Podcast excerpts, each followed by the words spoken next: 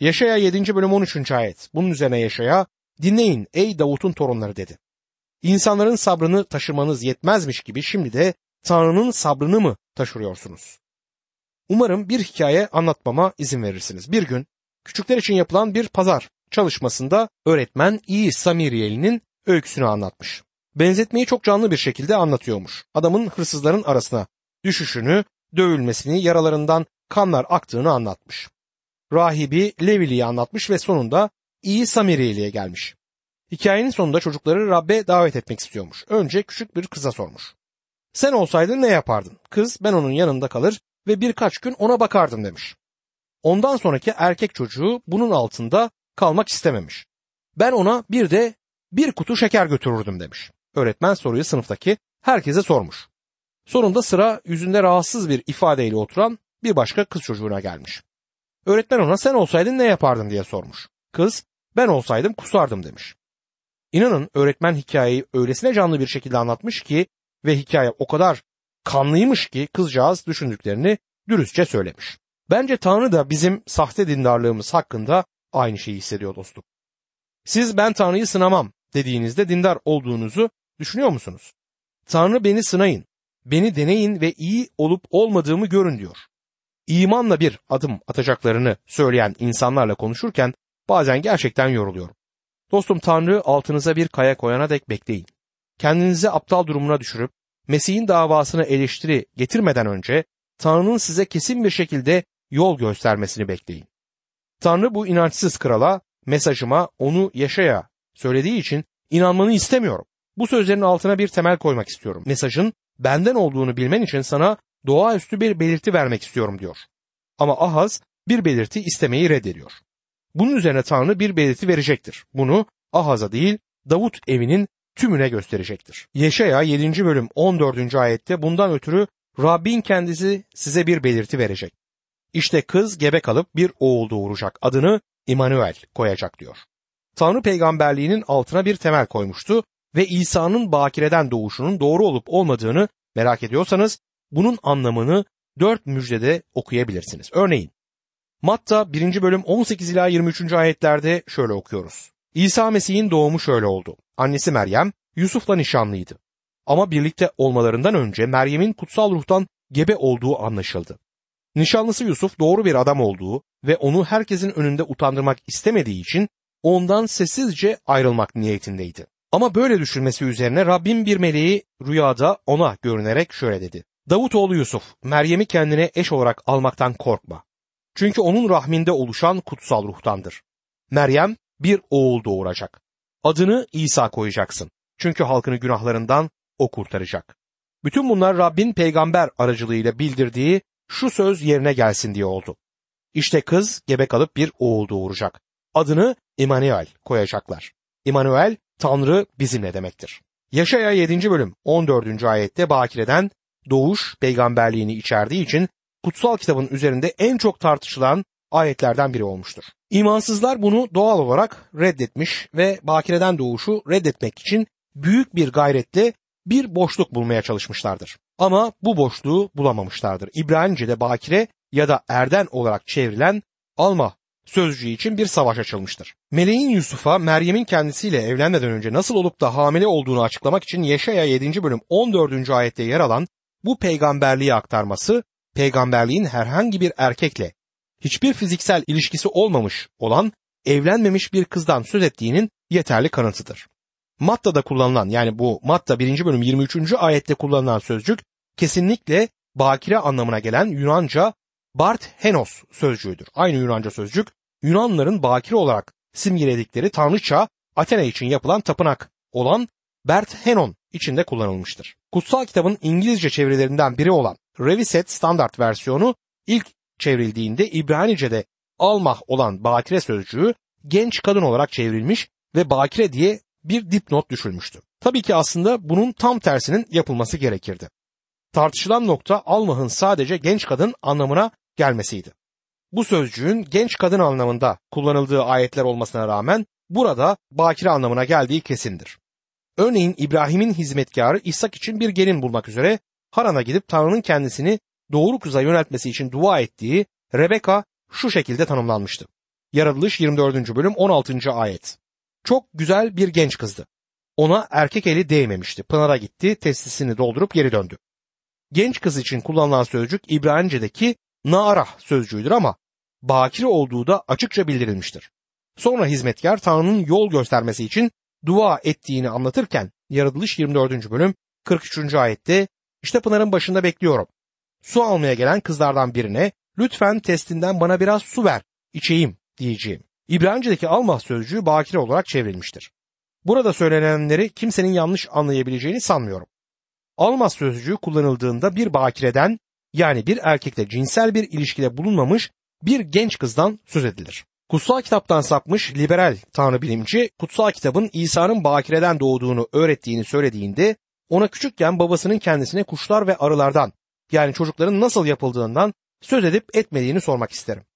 İsa Mesih'in bakireden doğduğuna inandığını inkar edebilir ama Yeşaya ile Matta'nın İsa'nın bakireden doğduğundan söz ettiklerini reddedemeyecektir. Yeşaya'nın peygamberliğine yeniden dikkatinizi çekmek istiyorum.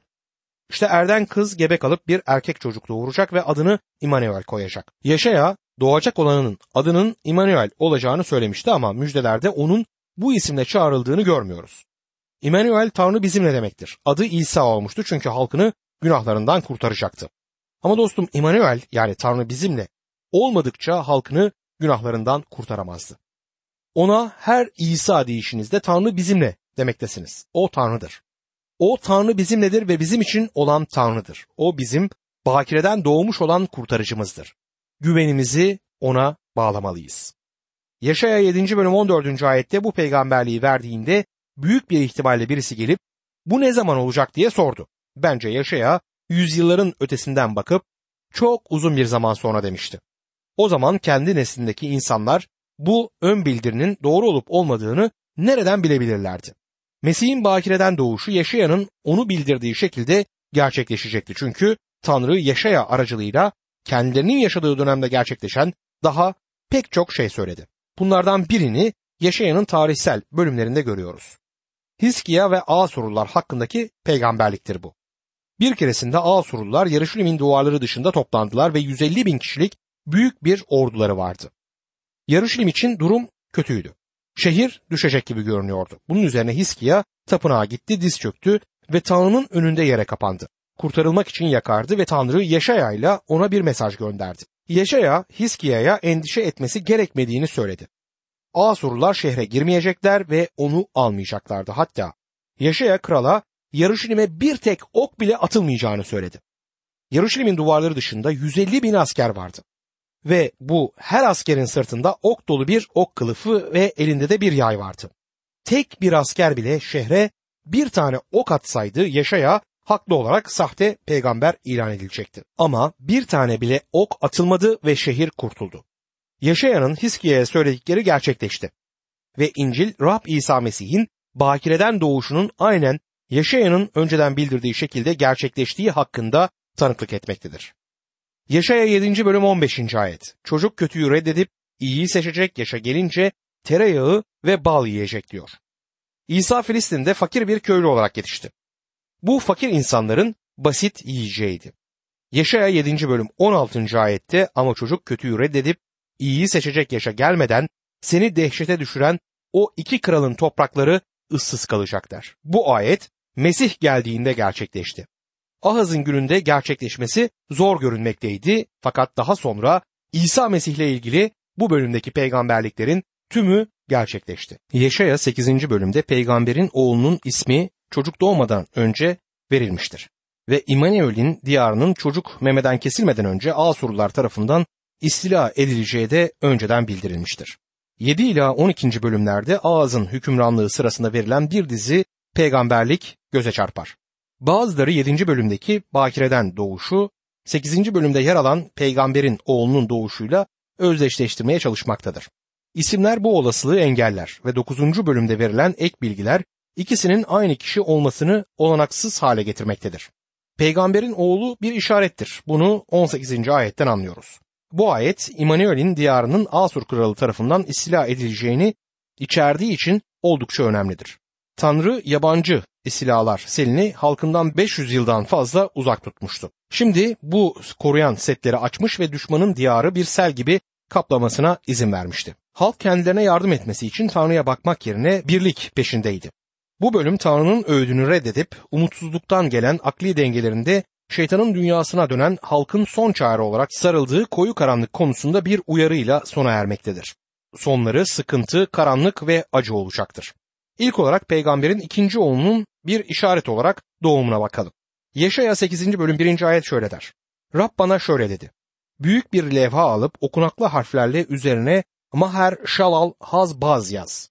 Şeur Yeşuv'un bir erkek çocuk için tuhaf bir isim olduğunu düşünüyorsanız bir de buna bakın.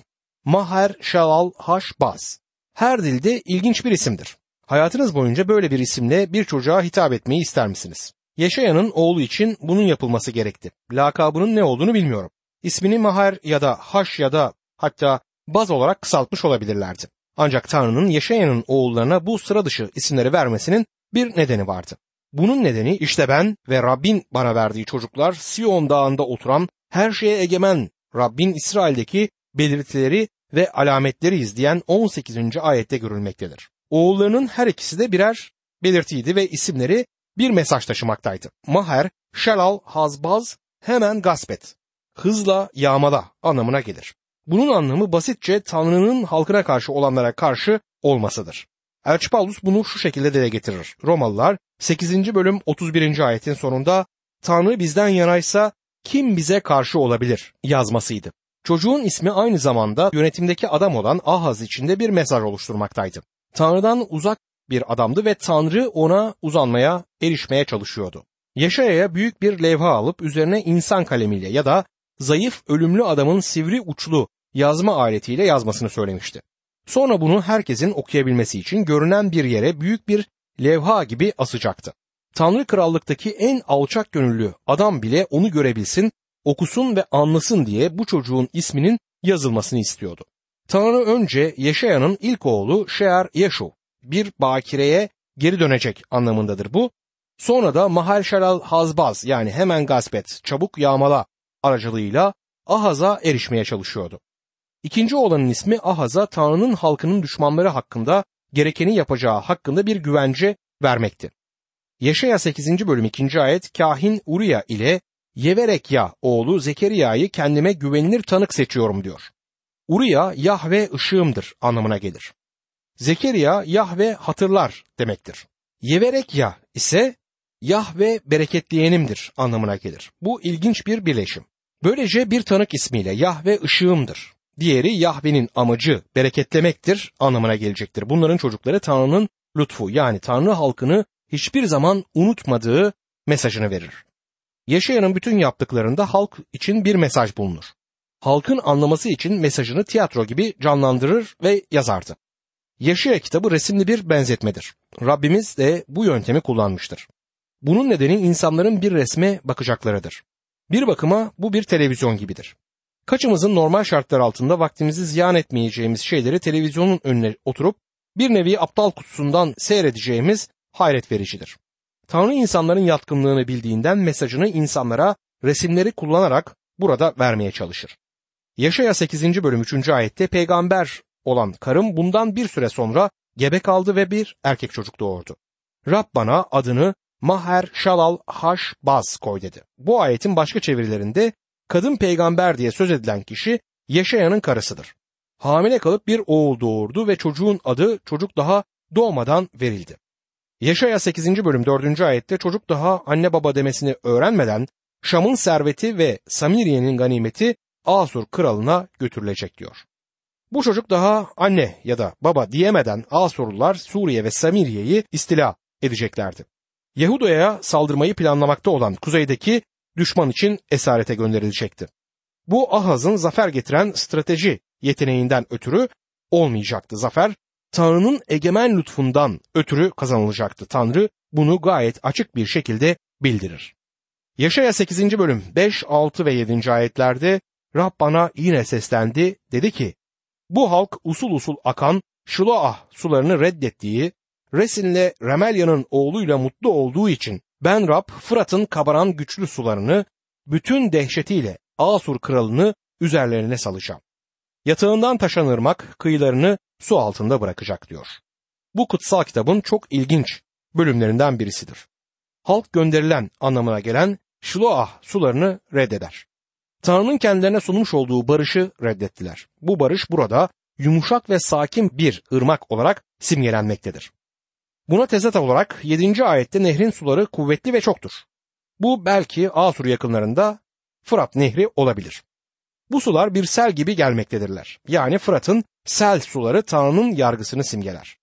Ve Şiloah'ın yumuşak sularıyla bir tezat oluşturur. Tanrı bu iki nehir aracılığıyla halkına bir mesaj vermektedir. Shakespeare'in söylediği gibi ağaçlarda diller, akan ırmaklarda kitaplar, taşlarda vaazlar ve her şeyde iyi bir şey vardır. Şiloah yumuşak akan küçük bir ırmaktır. Günümüzde önemli değildir ama Yeşaya'nın zamanında önemliydi. Sion Dağı ile Moria Dağı arasında akardı. Bu küçük ırmakta bir mesaj bulunur. Eğer dinlerseniz duyabileceğiniz bir mesaj. Mesaj ırmağın kendisinin yumuşak müziğinden daha güzeldir. Musa'nın yasasını simgeleyen Sina Dağı ile bir tezat oluşturan Sion Dağı'nın lütuf öyküsüdür. Moria İbrahim'in oğlunu sunduğu Davut'un Aravna'nın Harman yerini aldığı ve Süleyman'ın tapınağı inşa ettiği yerdir. Ve büyük bir kayanın sonunda Mesih'in çarmıha gerildiği Golgota bulunur. Bu lütuftan söz etmektedir. Moria Tanrı'nın kendisine bir kuzu sağladığı yerdir. Tanrı İbrahim'in oğlunu esirgeyip kurtarmıştı ama kendi oğlunu esirgemedi. Bu yüzden burada Tanrı Ahaz adlı bu adama lütuftan söz eder. Ona eğer bana dönersen seni kurtarırım der. Yaşaya 8. bölüm 8. ayet. Yahuda'yı kaplayan sular her şeyi silip süpürerek adam boyu yükselecek. Ülkeni boydan boya dolduracak ey İmanuel diyor. Tanrı Asurluların Yahuda diyarını sel gibi basmalarına izin verdi ama Yarışilim'i almalarına asla izin vermedi. Tanrı'nın yerine birlik oluşturmaya çalıştıklarında gelecek yargının bildirisi yine bu bölümde karşımıza çıkar. Yaşaya 8. bölüm 9. ayette ey halklar yıkıma bozguna uğrayacaksınız. Yeryüzünün en uç köşeleri kulak verin. Savaşmaya, bozguna uğramaya hazırlanın. Evet, savaşa ve bozguna hazır olun diyor. Bu Tanrı'nın diyarına karşı bir birlik yapan uluslara uyarıdır. Yaşaya 13 ile başlayarak İsrail'e bitişik olan ya da onlarla bir alışveriş içerisinde olan uluslara söylenmiş mesajları görüyoruz. Ve Tanrı'nın yargısının onların üzerine geleceğini de öğrenmekteyiz. Yaşaya 13. bölümden Yaşaya 35. bölüme kadar uzanan Tanrı sözünün en ilgi çekici mesajını oluşturmaktadır bunlar. Çoğu yerine gelmiş peygamberliklerdir. Tanrı ulusların onun yeryüzündeki amacını asla engelleyemeyeceklerini söyler. Dünyadaki ulusların artık Tanrı'dan bilgelik ve öğüt peşinde olmamaları ilginçtir. Tanrı'nın bir amacı var ve onun amacı gerçekleşecektir. Eğer bir ulus bir başka yöne giderse bu yargı o ulusun üzerine gelir. Yaşaya 8. bölüm 10 ila 12. ayetlerde istediğinizi tasarlayın. Hepsi boşa gidecek. İstediğiniz kadar konuşun. Hiçbiri gerçekleşmeyecek. Çünkü Tanrı bizimledir. Rab beni halkın tuttuğu yoldan gitmeme konusunda şiddetle uyararak şöyle dedi. Onların entrika dediği her şeye siz entrika demeyin. Onların korktuğundan korkmayın, yılmayın. Yahuda'nın Suriye ve Samiriye'nin birliklerinden korkmaması gerekmekteydi. Korku kuzeydekilerin birleşmesine neden olmuştu ve Tanrı halkına onların korktukları şeylerden korkmayın demekteydi. Yani uluslar arasında bir müttefik aramamaları gerekmekteydi. Bu büyük bir olasılıkla Mısır olacaktı. Daha sonra Mısır'la ittifak yapmışlar ve diyarda büyük bir trajedi yaşanmıştı. Yaşaya 8. bölüm 13 ve 14. ayetlerde her şeye egemen Rabbi sayın. Korkunuz, yılgınız ondan olsun. Tapınak o olacak. İsrail'in iki krallığı içinse sürçme taşı ve tökezleme kayası, Yarışilim'de yaşayanlar için kapan ve tuzak olacak diyor. Yukarıda olan Tanrı'dan korkmaları ve ona bakmaları gerekiyordu. Tanrı onların ya kurtuluşu ya da tökezleme kayası olacaktı. Bir defasında cesur bir Tanrı adamına neden böylesine cesur bir adam olduğunu sormuşlardı. Bu kişi Cromwell'di. Gelmiş geçmiş en cesur adamlardan biri olmakla tanınırdı bu kişi. Tanrı'dan korktuğunuzda hiç kimseden korkmanız gerekmediğini öğrendim diye yanıt verdi. Elçi Paulus 1. Korintiler 1. bölüm 23. ayette ama biz çarmıha gerilmiş Mesih'i duyuruyoruz. Yahudiler bunu yüz karası öteki uluslarda saçmalık sayarlar dedi. Rab İsa'ya bu taşın üzerine düşeceğinizi ki o taş kendisiydi, kurtuluş için onun üzerine düşeceğinize tek temel olan ona dayanacağınızı ve kurtulacağınızı söyleyebilirsiniz. Ya da Matta 21. bölüm 44. ayette olduğu gibi bu taşın üzerine düşen paramparça olacak ya da taş da kimin üzerine düşerse onu ezip toz edecek. Ayetini hatırlayabiliriz. Her şeye egemen Rabbi kutsal sayın tuhaf bir bağlaştır. Elçi Petrus da bunu kullandı. Mesih'i Rab olarak yüreklerinizde kutsayın. Sizdeki ümidin nedenini soran herkese uygun bir yanıt vermeye her zaman hazır olun dedi. 1. Petrus 3. bölüm 5. ayette. Tanrı'nın halkının yapması gereken budur. Günümüzde Tanrı ve sözü hakkında hafif bir düşünce var. Ona karşı bir saygı yetersizliği bulunmaktadır. Bazen kutsal şeylerle alay edenler, hafife alınmaması gereken şeylerle alay edenler bulunuyor. Sizlerin ve benim Rab Tanrı'yı kutsal saymamız gerekiyor. Çünkü günümüzde birçok insan Habakuk 2. bölüm 20. ayetteki gibi oysa Rab kutsal tapınağındadır, sussun bütün dünya onun önünde sözüne ikna olmamıştır. Eğer pazar günü Tanrı'nın sizin kilisenizde olduğuna inansalar da dostum plajda bir piknik alanında ya da çimlerini biçiyor olmazlardı. Sizinle birlikte sizin kilisenizde olurlardı. Sizler ve ben onları ikna edemiyoruz değil mi? Tanrı sözünün yerine ruhçuluk koyanlara gelecek yargının bildirimini şimdi göreceğiz. Yaşaya 8. bölüm 19. ayet der ki, Birileri size fısıldayıp mırıldanan medyumlarla ruh çağıranlara danışın dediğinde halk kendi tanrısına danışmaz mı? Yaşayanlar için ölülere mi danışırlar deyin diyor. Günümüzde ruhçular yeniden ortaya çıktı. Tanrı kesin olarak insanların şeytanın sistemiyle ilgilenmelerini yasaklar. Bir insan toplum ve halk Tanrı'ya sırtını çevirdiğinde genelde bilinmeyenler ya da anormal şeylerle ilgilenmeye, şeytancılıkla uğraşmaya başlamıştır. Leviller 20. bölüm 27. ayet. Cincilik yapan ve ruh çağıran ister erkek olsun, ister kadın olsun kesinlikle öldürülecektir. Onları taşlayacaksınız. Ölümlerinden kendileri sorumludur der. Yaşaya 18. bölüm 9 ila 12. ayetler arasında ise Tanrınız Rabbin size vereceği ülkeye girdiğinizde oradaki ulusların iğrenç törelerini öğrenip uygulamayın. Aranızda oğlunu ya da kızını ateşte kurban eden, falcı, büyücü, muskacı, medyum, ruh çağıranlar ya da ölülerin ruhlarına danışan kimse olmasın. Çünkü Rab bunları yapanlardan tiksinir. Tanrınız Rab bu iğrenç töreleri yüzünden bu ulusları önünüzden kovacaktır der. Günümüzde bilinmeyen ruh dünyası ve cinler dünyasına büyük bir ilgi var.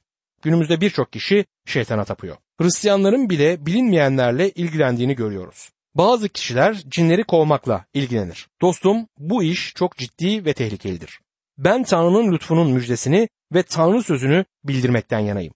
Bu bütün cinlerin icabına bakacaktır. Eğer herhangi birisi cinleri kovmakla ilgileniyorsa bunun tehlikeli olduğunu bilmelidir. Ve büyük bir olasılıkla bu tehlike hayatında hızla artacaktır. Bizim sorumluluğumuz Tanrı sözünü bildirmektir. Tanrı sözünün girdiği yürekler gerçek özgürlüğe kavuşur. Yüreğinde Tanrı'nın ruhu olan insanlar ışığın çocuklarıdır ve bu çocukların üzerinde karanlığın, cinin ve şeytanın egemenliğini İsa Mesih'in isminde reddediyoruz. Dostum şeytanın amacı insanı körlüğe, cehalete, boş inançlara bağlamaktır. Bu tür tutumlar insanı zaten karanlıkta ve gerçekten uzak tutacaktır. Tanrı bizleri buna karşı uyarır. Bu uyarıları ciddiye almalıyız. Yaşaya 8. bölüm 21 ve 22. ayetlerde aç ve çaresiz ülkede dolaşıp duracaklar. Aç kalınca öfkelenip krallıklarına, tanrılarına lanetler edecekler. Yukarıya da, dünyaya da baksalar sıkıntıdan, karanlıktan, korkunç karanlıktan başka bir şey görmeyecekler. Kovulacakları yerde koyu karanlıktır diyor Tanrı sözü. Bu son ayet itaatsizlik dolu bir hayatı sürdürmenin sizi sonunda şeytancı düşüncelere götüreceğini ortaya koyar. Sonuç belirsizlik, karanlık ve çaresizliktir. İtaatsizlik sizi her seferinde bunalıma sürükleyecektir.